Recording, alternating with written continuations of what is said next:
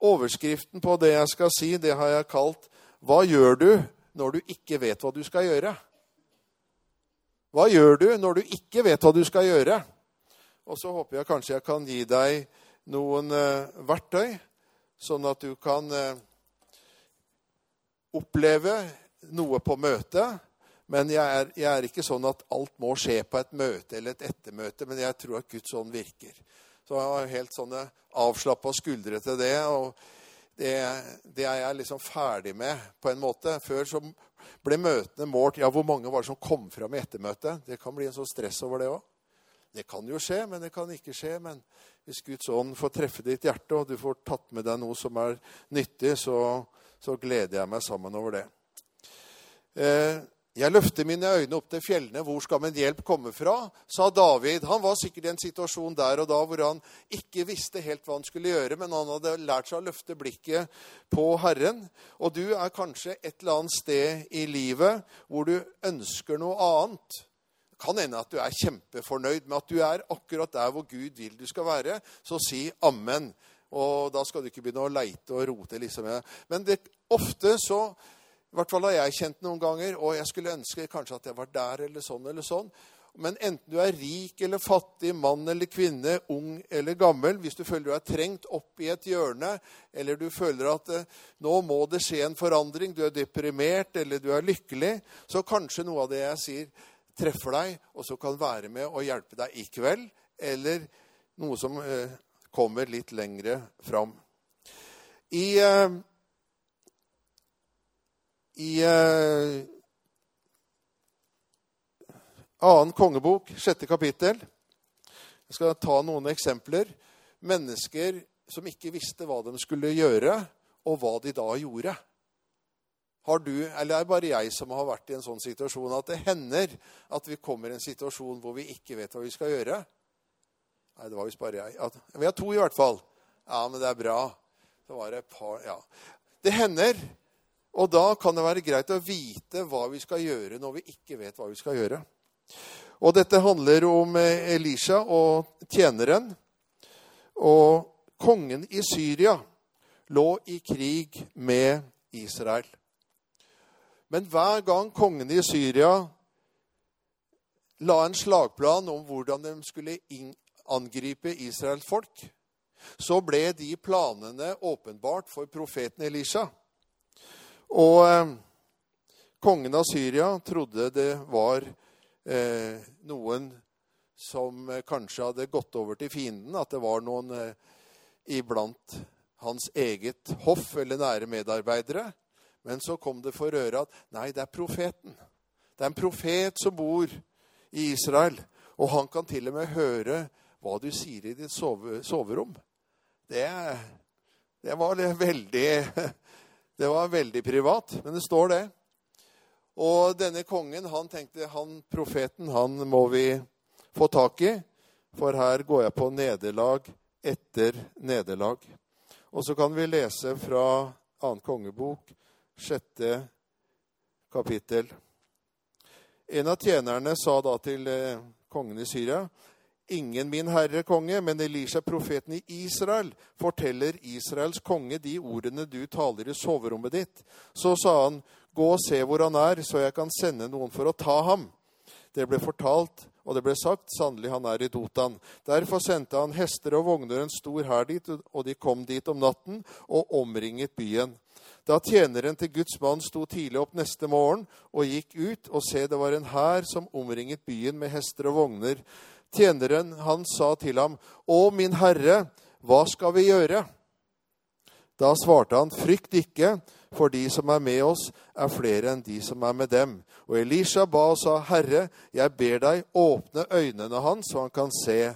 Og da åpnet Herren øynene til den unge tjeneren, og han så, og se overalt rundt Elisha var fjellet rundt av hester og vogner av ild.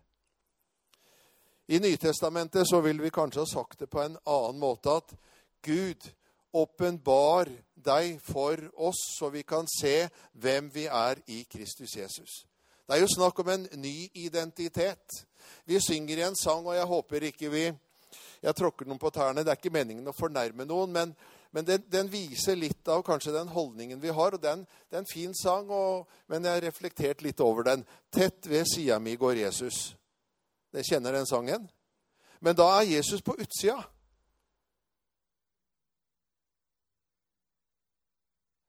Jeg har en tro på at Dersom noen er i Kristus, da er han en ny skapning. Det gamle forgangen. Se, alt er blitt nytt. Og dersom jeg er i dere, og dere er i meg og mine ord, da be om hva dere vil. Kristus har tatt bolig i deg. Du er en ny skapning, så han går ikke bare utenfor deg, ved siden av deg, men han bor i deg. Profeten ba om åpenbaring, så drengen fikk se at de som er med oss, er større og flere og sterkere enn de som er med fienden. Men vi kan si det på en annen måte i den nye pakt. Han som bor i oss, er sterkere enn han som bor i verden. 1. Johannes 4,4.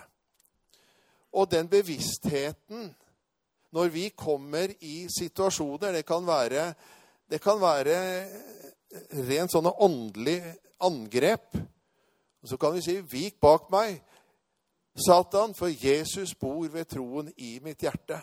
Og han er større enn deg. Eller det kan være problemer, utfordringer vi møter. Så kan vi hvile i dette at han som bor i meg, han er sterkere enn han som bor i verden.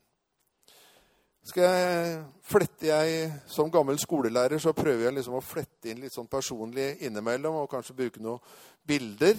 Og nå skal jeg fortelle noe. Hvis Laila hadde vært her, så skulle jeg spurt om Jeg tror hun husker det. Jeg er ikke helt sikker. Men vi var et ungdomsteam fra Saronsdal som reiste, og nå var vi på Kongsberg under jazzfestivalen i Kongsberg og skulle evangelisere. Jeg tror Laila var med også, men jeg er ikke helt sikker. Og så står vi der og har friluftsmøte, en, en 10-15 ungdommer, og synger og vitner og Og så plutselig Jeg står der med gitar. Det var den tida jeg kunne spille og gikk E-dur og kunne synge litt. Nei, da, Jeg sto sammen med en gjeng andre, så da gikk det bra å synge. Men jeg sto der, og så plutselig så kommer det en mann imot meg. Jeg hadde fått blikkontakt med han, og jeg så det var noe sånn hardt, vondt i øynene hans. Så kommer han imot meg, og jeg, jeg fikk, fikk, ikke forsvart meg, for jeg står med gitaren på magen. Så han bare døtter meg over ende, så jeg ramler på bakken midt inne i denne energiske, idealistiske ungdomsgjengen. Så den begynte å be og prise Herren at ingenting vondt skal skje med deg. Og så begynte de å synge lovsanger for folk som sto rundt på dette friluftsmøtet. Det var i den tida det var mange som hørte på. De lurte på hva er det som skjer. Er det slåsskamp der? Men de stilte seg bare rundt oss. For jeg havna på ryggen med gitaren, og så han oppå meg. Og han var tydeligvis eh, rusa på stoff, det tror jeg nok. Og han skulle drepe meg. Og... Men eh, det ordna seg. Vi gjør en lang historie kort. Men dagen etterpå Det er det som er spennende. For når jeg kom hjem, så måtte jeg liksom debrife litt. Jeg var litt sånn shaky. Det er ikke alltid du blir angrepet på et friluftsmøte. Og så fleipa de andre med meg og sa at Oddleif, du må slutte å stirre sånn på folk. For jeg fikk eh, blikkontakt med han, skjønner du, og, det, og, jeg fortalte det. Nei, du må slutte å stirre på folk. Eh, og så sto vi der, samme sted, eh, kvelden etterpå. Og så kommer han på nytt igjen. Og så var det jo litt komisk, du må slutte å stirre på folk. Men eh, da sto han på andre sida av gata, og jeg fikk blikkontakt med han jeg innbilte meg i hvert fall at det var meg han så på, jeg så på han. Og så roper han, han 'Jeg er Satan, og jeg skal drepe deg'. Hva sier man når noen presenterer seg som Satan? Ja, jeg er Oddleif. Jeg var jo relativt nyfrelst da. Jeg hadde vært frelst et år, kanskje. Men, men da hadde jeg lært meg. Så jeg, han som bor i meg, er sterkere enn han som bor i verden. Så han fortsatte å rope der. 'Jeg er Satan, og jeg skal drepe deg.' Han ropte høyt så alle hørte, og jeg ropte høyt, men stille inni meg. Så det var ingen som hørte ordene ut av min munn, men det var noe som reiste seg inni meg. Og så ropte jeg til han, 'Én ting vet du, Satan.' Jeg ropte det høyt i hjertet, ikke med min munn. At Jesus Kristus vant seier over deg på Golgata. Du er en slagen fiende. Men han har fortsatt å rope, og jeg har fortsatt å sitere. Det står atter skrevet. Og du kan ikke røre meg, for Jesus bor i meg. Sånn holdt dialogen på kanskje en fem minutter. Og så til slutt så sier han Det var akkurat som å stikke hull i en ballong. Så du vant, du er sterkest. Og så gikk han. Det var litt ubehagelig over, eh, opplevelse på en måte, men du verden, den har brent seg fast i meg. Det funka. Det funka. Han som bor i oss, er sterkere enn han som er i verden. Og Du trenger ikke å gå rundt og vente på en sånn opplevelse. Jeg har ikke opplevd det senere heller. Men jeg vil at du skal vite at Jesus han er i går og i dag den samme, ja, til evig tid. Og det å påkalle han, det, da skjer det noe. Så jeg ber om at du må få hjertets opplyste øyne, så du kan se og forstå hvor rik du er på herlighet. Jesus bor ved troen i ditt hjerte. Halleluja. Hvis vi går til kapittelet foran, så er det Naman. Det var også en annen mann som ikke visste helt hva han skulle gjøre. Han satt fast. Han var en, eh, han var en, en eh, mektig mann hos kongen av Syria. Han var øverstkommanderende for hæren. Han var mektig og en aktet mann hos sin herre, for ved han hadde Herren gitt seier til Syria. Men det var én ting. Han, hadde, han, var nesten perfekt. Han, var, han hadde alt han kunne tenke seg, men han var spedalsk. Men på en av sine krigstog så hadde han tatt ei jente, ei jødisk jente, som nå var tjenestepike der. Eh, og så sier, sier, denne tjenestepika til eh, kona til Naman Du, han, eh, Naman han skulle ha vært i Israel. For der er det en profet, der er det en som har med Gud å gjøre. Og kanskje han kunne ha hjulpet han i hans spedalskhet. Og dere som har lest dette her mange ganger, dere husker historien, så reiser Naman til Israel, til kongen. Og kongen blir jo redd. Han tror at hva er dette her for en listig mann som har kommet hit med gaver? Hvem er jeg at jeg skal kunne helbrede han? Men så får profeten greie på at Naman er kom, kommet. Og Naman han hadde regna med at profeten kommer ut og stryker sin hånd over mine sår og sier et eller annet. Jeg holdt på å si ved hans sår har du fått legedom. Men sagt et eller annet men profeten gjorde ikke det. Han satt inne, og så sendte han ut tjeneren sin. Og da blir jo Naman fornærma. Sende en tjener for å møte en som er så høyt oppe i rang. Så han blir fornærma og drar. Men så er det en som hvisker til Naman. Du, hvis profeten hadde bedt deg gjøre noe vanskelig, da hadde du kanskje gjort det. For at eh, profeten sa at du skal gå dyppe deg syv ganger i Jordan. Ærlig talt, altså, skal jeg gjøre det? Det var eh, til, til spott og spe. Kanskje han måtte kle av seg noen klær og gjøre det åpent for alle som så at han hadde denne sykdommen. Følte seg avkledd. Men så sier denne tjeneren, 'Gjør det.' For hadde profeten bedt deg gjort noe vanskelig, da hadde du gjort det. Men han var lydig, selv om det var noe flaut å gjøre.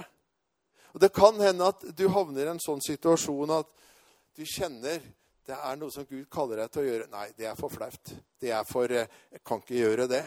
Men denne historien Jeg kommer også med et vitnesbyrd til denne historien om noen som syntes det var flaut å gjøre noe, men som gjorde det. Så skjedde det et mirakel, og det var mellom Laila og kona mi. Og det kommer jeg straks til. Men Naman han gjorde det, denne lydighetshandlingen. Han dukka seg én gang. Skjedde kanskje ingenting. To ganger. Dette var flaut. Og jeg syns jeg hører soldatene, undersåttene hans, inne på stranda. Du, se på hærføreren vår. Dette er flaut. Skjer ingenting. Men den sjuende gangen så stiger han opp av vannet. Så er han ren. Han er frisk. Han, er, han har ikke spor av spedalskheten. Han var lydig, og det var flaut, men han gjorde det. Det kan være en situasjon hvor vi syns ting er litt flaut å gjøre, men vi gjør det allikevel. Så fletter jeg inn et vitnesbyrd der også. Kona mi, Ellie, skulle hilse fra henne til dere som kjenner henne. Hilse så mye fra Ellie. Hun vil gjerne ut og besøke Laila når vi er på Vestlandet. Den gangen, det er noen få år siden, så var hun her oppe på Vestlandet aleine. Besøkte Laila, og de hadde det kjekt i lag. Og på det tidspunktet så hadde kona mi en diagnose som heter polinevropati. Eh, og Det arta seg sånn at hun måtte slutte i jobben og jobba som hjemmesykepleier på sykehuset. Men vanskelig å gå og tråkke. Det var så overømfintlig under beina. og det var eh, og vondt, mye plager. Så hver kveld så var det masse smertestillende før hun la seg og sove. Og hun var glad i friluftsliv og skulle gjerne likt å gå mye, men kunne ikke. Så var hun ute hos Laila og hadde eh, sagt god natt og gått og lagt seg. Men når Laila står på badet og pusser tenna, så kjenner hun, og det er Den hellige ånd, som ber henne Laila, nå skal du gå inn til søskenbarnet ditt Ellie. Så skal du salve beina hennes, og så skal du be for henne. Og Laila forteller det at hun var jo litt sånn shaky. Det, det, er, det er, verre å be for noen du kjenner, enn noen du ikke kjenner. Hæ? Det er eh, liksom be for kona di det, det, kommer inn så mye menneskelig, menneskelig, Men vi kan være tøffe når vi er sammen med folk vi ikke kjenner, for de kjenner oss ikke så godt. Så men for Laila å gå da inn og vekke Ellie og Du, Ellie, Gud har minnet meg på at jeg skal salve deg. Så hun forteller at hun, hun eh, salva og masserte føttene til Ellie.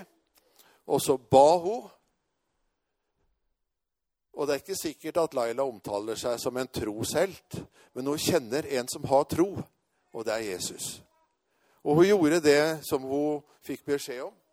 Og når Ellie våkner dagen etterpå og ned på kjøkkenet og spiser frokost, så, Ellie, så spør Laila åssen har du det. Nei, jeg kjenner meg bra. Og jeg har ikke tatt, tenkt å ta noen tabletter.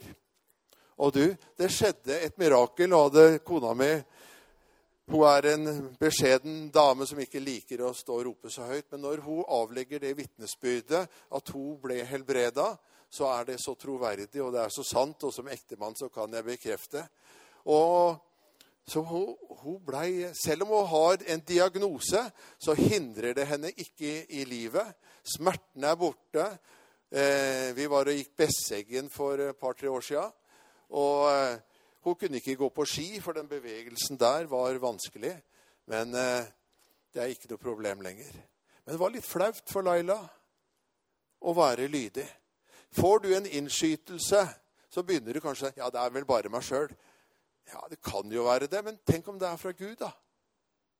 Tenk om det var en innskytelse fra Laila. Det hadde jo ikke skjedd noe gærent at hun gikk inn og så ba for kona mi, men jeg er sikker på at den innskytelsen var fra, fra Herren, og det førte til et mirakel.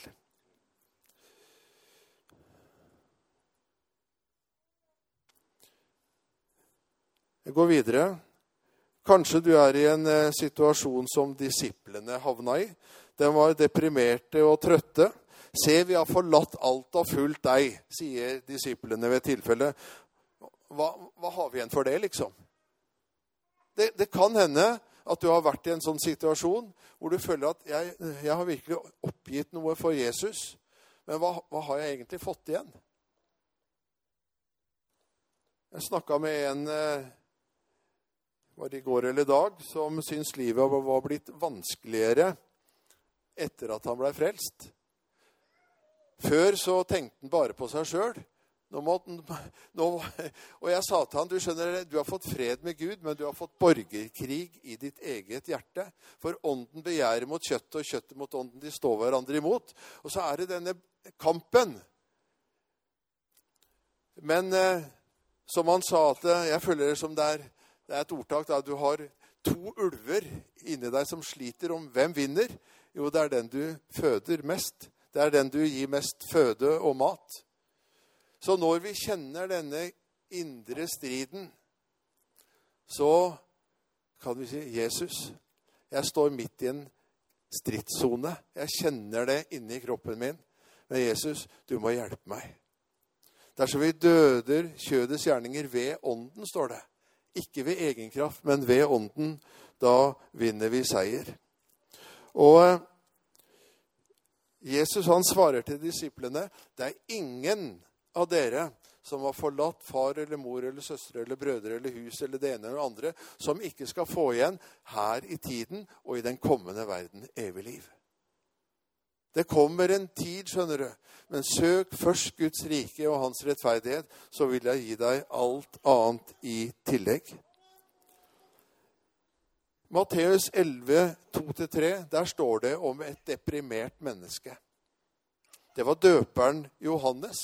Han som like før hadde sagt at Se der Guds sønn, eller Guds lam, som bærer verdens synd. Han hvis skorøm jeg ikke er verdig til å knyte opp, han skal døpe dere med Den hellige ånd og ild. Og jeg tror, hadde, jeg tror, Johannes hadde vært til, til stede når Jesus proklamerte Jeg, Herrens ånd er over meg. Han har salvet meg til å forkynne et velbehagelig år fra Herren, til å åpne blindes øyne osv. osv eh, lamme skal gå, osv. Jeg tror Johannes sto der, og så fryda han seg og gleda. Jeg satsa riktig. Jeg pekte på Jesus, og her har han kommet. Han har åpenbart seg.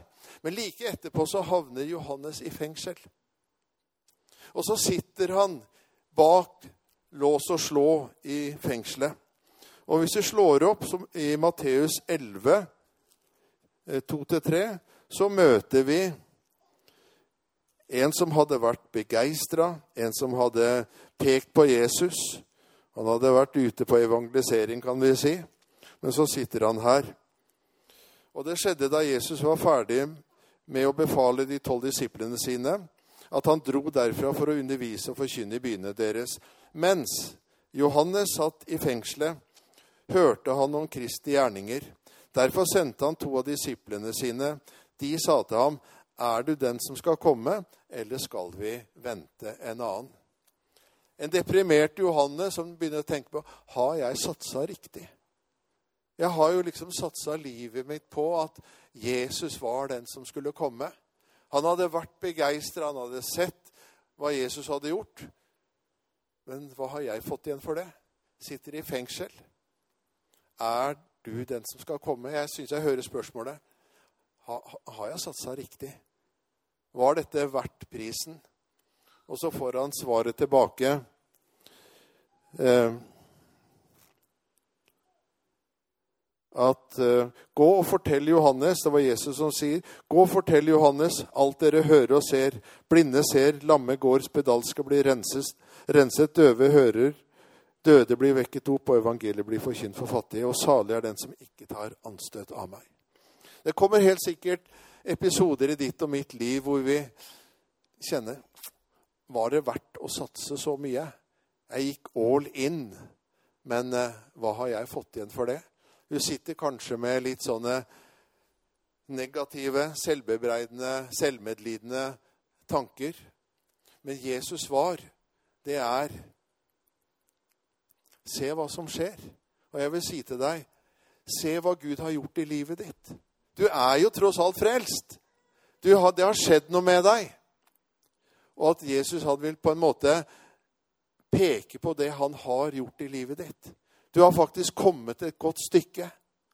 Så ikke grav deg ned i at nå er det stopp, nå er det slutt. Men Jesus vil si at det jeg har gjort, det vil jeg fortsette å gjøre. Vi går fort videre. Det er forskjellige situasjoner. Matteus 28 eh, misjonsbefalingen var gitt. Gå ut i all verden og forkynne evangeliet. Og tenk at han valgte ut noen som egentlig ikke var kvalifisert til jobben. Vi hadde aldri valgt ut tolv disipler med en sånn CV.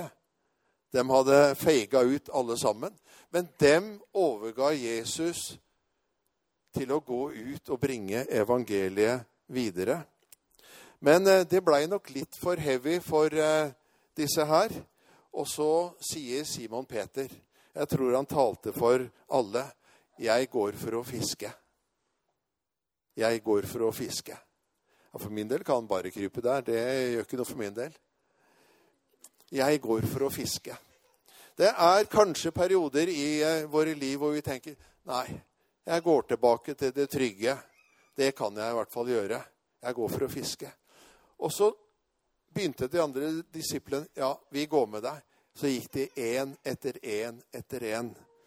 Men så står det i Johannes 21, 21,3.: Den natta fikk de ingenting. Halleluja. Jeg er så glad for at de fikk ingenting. For hvis de hadde fått noe, så hadde de tenkt Yes, dette kan vi. Dette fortsetter vi med.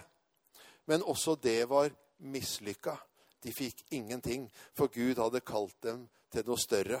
Og så vet vi Jesus står på stranda der, og så kommer de inn, og så har de venta kanskje å få en skikkelig sånn pekefinger. Ærlig talt, disipler, det hadde jeg ikke venta av dere. Vi er, vi er, redde for Jesus noen ganger. Ærlig talt, det hadde jeg ikke venta av deg, Mette. Hæ? Svikter sånn, da, gitt. Eller Vidar, du som skal være pastor, har stått her så lenge. Jeg hadde venta at du skulle ta litt mer tak. Men det, så sier Jesus, 'Elsker du meg?' Elsker du meg? Han var oppe til muntlig eksamen i teologi. Elsker du meg? Ja, Herre, du vet jeg har deg kjær. Ofte så er vi så opptatt av hva Gud kaller oss til. Han kaller meg til ditt og datt og en eller annen ministry eller en rolle eller en, en tittel. Du, vi er kalt til samfunn med Hans Sønn Jesus Kristus. Første Korinterne, første kapittel, tror jeg, og åttende og niende vers. Vi er kalt til samfunn, fellesskap med Jesus Kristus. Det er så avslappende. Og ut av det livet så kan vi jo gjøre en del ting. Men det starter ikke at du blir kalt til å gjøre noe. Det, blir, det starter med at du blir kalt til å være i Jesu nærvær og ha fellesskap med Han. Så eh, husk på det hvis du føler ting har vært litt mislykka i livet ditt. Du har ikke fått noe fisk. Hvor, av, hvor blir det av frukten? Du, Jesus spør deg, elsker du han? Ja, Jesus, jeg har deg kjær. Livet har ikke blitt akkurat det jeg tenkte, men Jesus, du elska meg først. Du dro meg opp av det dype dynn. Og jeg kan ikke benekte det du har gjort i livet mitt, og jeg vil fortsette å elske deg. David, kort, ikke, det står i, i Salmenes bok. Dag og natt lå din hånd tungt på meg. David var der i en situasjon at han ikke helt visste hva han skulle gjøre. Og det var ikke rart at Davids hånd lå tungt på at Herrens hånd lå tungt på David. Han hadde gjort seg skyldig både i mord og ekteskapsbrudd. Og han hadde prøvd å liksom komme unna dette her. Men noe av frelsesfryden og gleden i Herren var veket fra han. Men så står det Da bekjente jeg min synd for deg. Og du dro meg opp av det dype dynn, satte mine føtter på en klippe og la i min munn en ny sang, en lovsang til Gud. Det hender det at det kan gå i stykker. Ja, det gikk i stykker til de grader for David. Men allikevel står det i apostelens gjerninger at David var en mann etter Guds hjerte. Det er ikke noe helgengalleri som forteller bare om alle som surfa gjennom livet. Men det forteller om menn og kvinner, unge og gamle, som Gud kalte, som gikk med han. Og noen bretter ut livet sitt hvor det gikk skikkelig galt. Men allikevel dør en mann, dør en kvinne etter Guds hjerte. Ingenting skal kunne skille deg fra min kjærlighet. Angst eller farer eller nederlag. Jeg elsker deg. Så David sier det. Da bekjente jeg min synd for han. Hvis du sitter fast i noe, så eh, tenker vi kanskje ofte at ja, ja, nå må jeg lese litt mer i Bibelen først. Jeg må kanskje vente ei uke før jeg kan nærme meg Gud. Jeg må da gjøre litt. Jeg tror ikke Gud er blid på meg med en gang, så jeg får plage meg sjøl litt først. Du, du vet hvor du skal gå. Om du har falt i synd for ti sekunder sia, så kan du si med en gang, kjære Jesus, tilgi meg min synd. Du kjenner meg ut og inn. Men jeg reiser meg ved din nåde, og så går jeg videre. Det trenger ikke å gå et år før du reiser deg.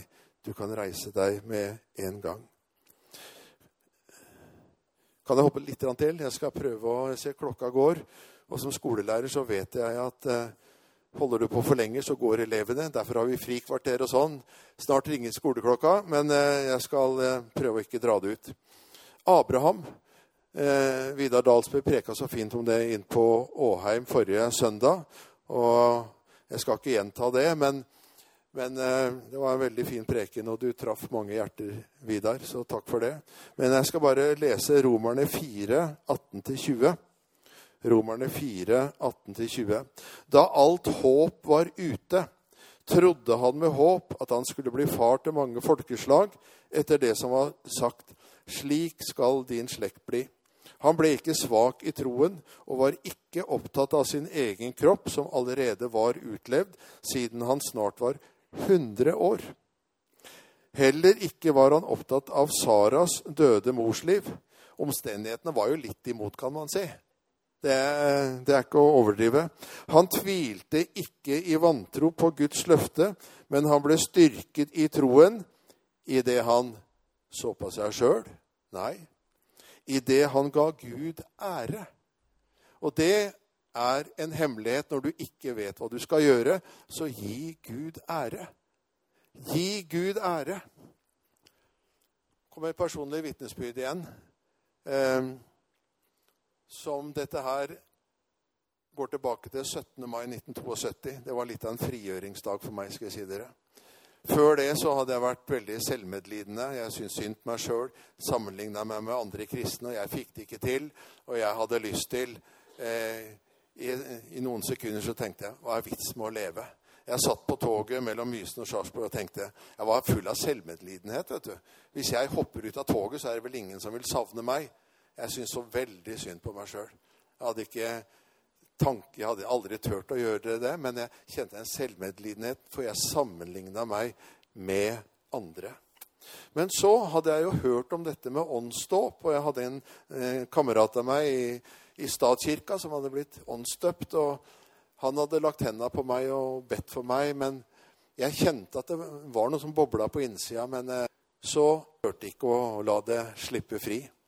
Men den 17. mai så hadde jeg fått invitasjon til å være sammen med kristne venner.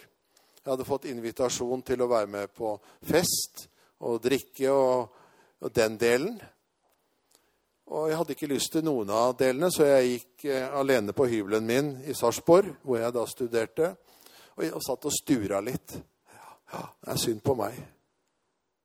Men så begynte jeg å takke og gi Gud ære, for jeg skjønte jeg kan jo ikke sitte her som en nesten 20-åring og liksom være, ha så mye selvmedlidenhet. Så jeg begynte å, å, takke Gud og gi han ære. Litt i trass.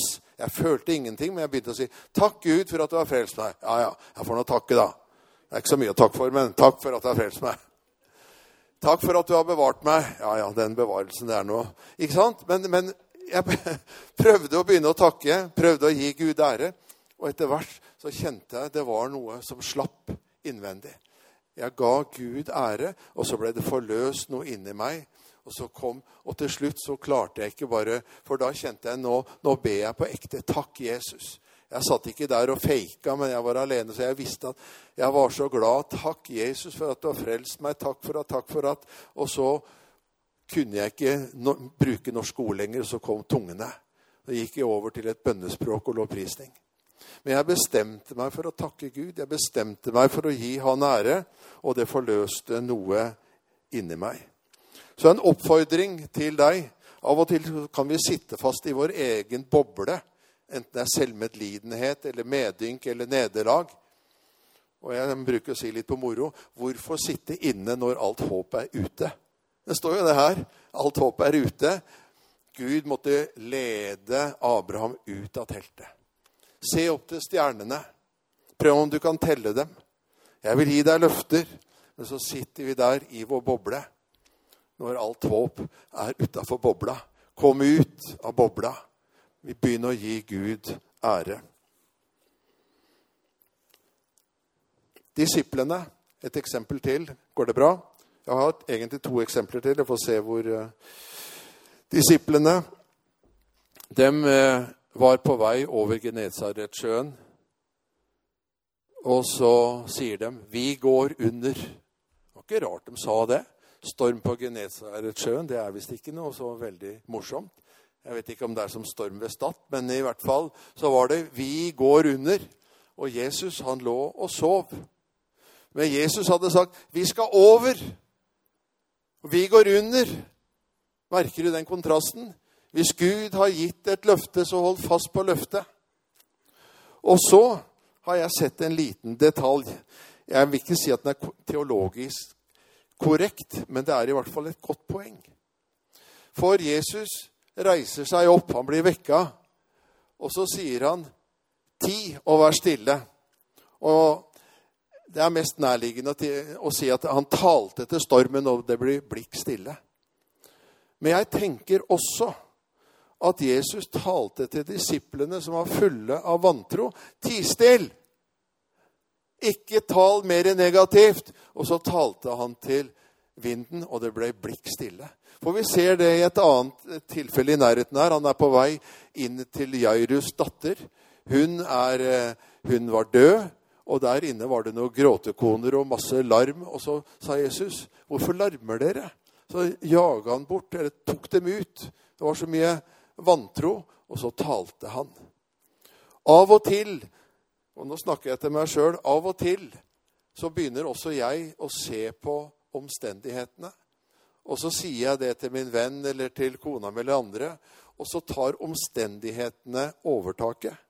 Vi er ikke annerledes, vi mennesker. Men du, da tror jeg Jesus sier Hysj. Hvis du ikke har noe tro å bekjenne, så vær stille. Ikke, ikke si noe. Ikke si noe. Nå hopper jeg, men det er et annet lignende eksempel. Når Israel-folk skulle innta Jeriko, så fikk de beskjed om å gå i sju dager rundt Jerikos murer.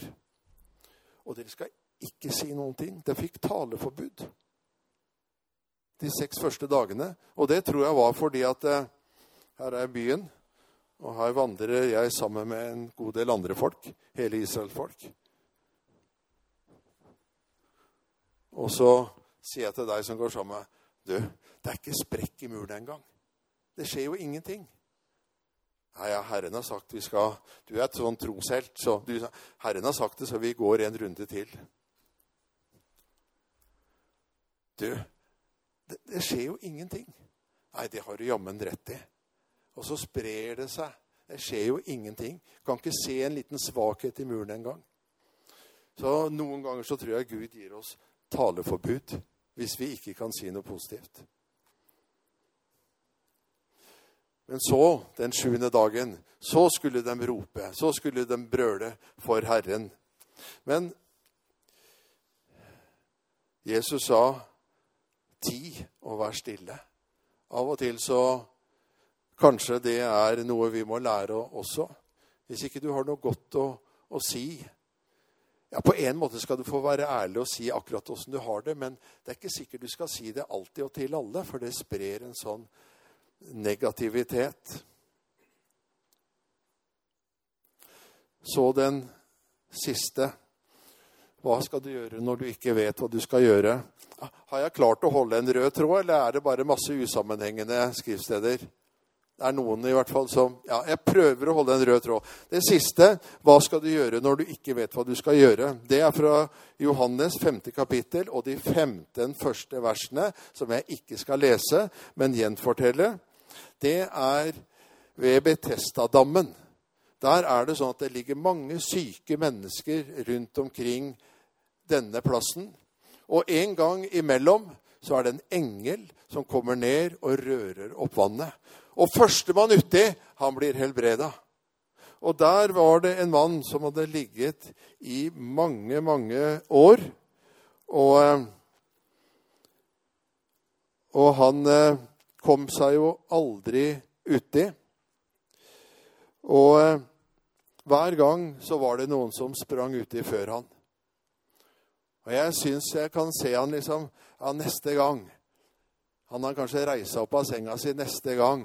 Så skal jeg være først. Kanskje han var først ut av senga, men det var noen som sprang fortere. Og så kommer Jesus.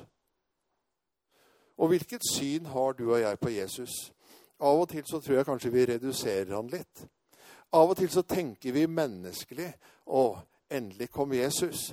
Tømmermannens sønn, han har sterke muskler. Ja, kanskje han kan hjelpe meg og løfte meg uti neste gang. Kan dere tenke dere at hvis vi skriver om situasjonen litt, at Jesus kommer der og så sier han, du, jeg skal sitte ved din side. Jeg skal løfte deg uti, sånn at du blir første gang, førstemann uti. Og så reduserer vi Jesus til å bli en som sitter passiv ved siden av deg og holder deg i hånden når du, når du er syk, og venter sammen med deg på et mirakel. Vi må ikke redusere Jesus til det, for Jesus er mirakelet. Halleluja. Jesus er ikke bare en som sitter ved siden din og venter sammen med deg på et mirakel. Jesus er mirakelet. Halleluja.